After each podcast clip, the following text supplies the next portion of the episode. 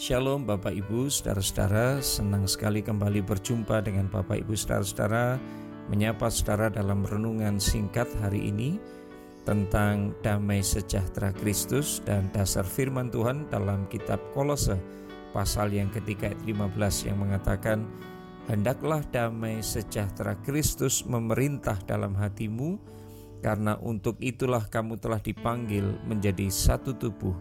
Dan bersyukurlah Rasul Paulus menegaskan kepada jemaat di Kolose bahwa yang memerintah dalam hati umat Allah semestinya damai sejahtera Kristus dan bukan damai sejahtera manusia.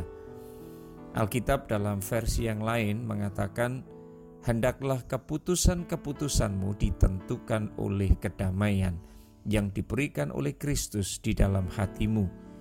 Keputusan-keputusan itu diambil bukan karena ketakutan, paksaan, atau keyakinan diri, tetapi karena kedamaian yang diberikan Kristus. Kadang setelah mengambil keputusan, bahkan mendoakannya, kita malah menjadi was-was dan khawatir. Mengapa? Bisa jadi karena kita tidak mengambil keputusan berdasarkan damai sejahtera Kristus damai sejahtera Kristus kadang tidak sama dengan damai sejahtera kita. Mungkin kita merasa tidak sanggup, tetapi kalau itu sungguh berdasarkan damai sejahtera Kristus, pasti akan memberikan hasil baik.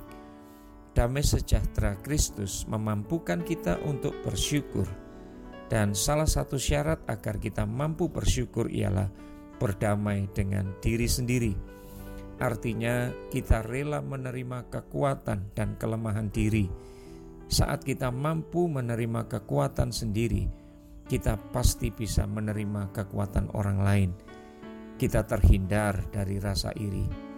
Saat kita mampu menerima kelemahan kita, pastilah kita akan lebih mudah menerima kelemahan orang lain, sehingga kita terhindar dari keinginan untuk menyalahkan Orang yang senang mencari kambing hitam biasanya belum berdamai dengan diri sendiri.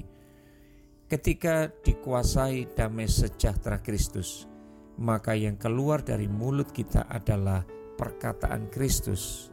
Ayat ke-16 di Kolose 3 mengatakan hendaklah perkataan Kristus diam dengan segala kekayaannya di antara kamu sehingga kamu dengan segala hikmat mengajar dan menegur seorang akan yang lain sambil menyanyikan mazmur dan puji-pujian, nyanyian rohani, kamu mengucap syukur kepada Allah di dalam hatimu.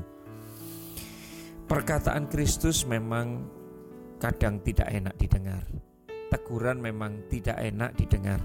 Tetapi teguran dalam Kristus itu menyelamatkan. Teguran itu seperti obat pahit, namun menyembuhkan. Jangan kita takut menyatakan kebenaran meski pahit. Jangan kita takut membuat orang tersinggung. Jika kita sungguh-sungguh mengasihinya, maka tegurlah dia.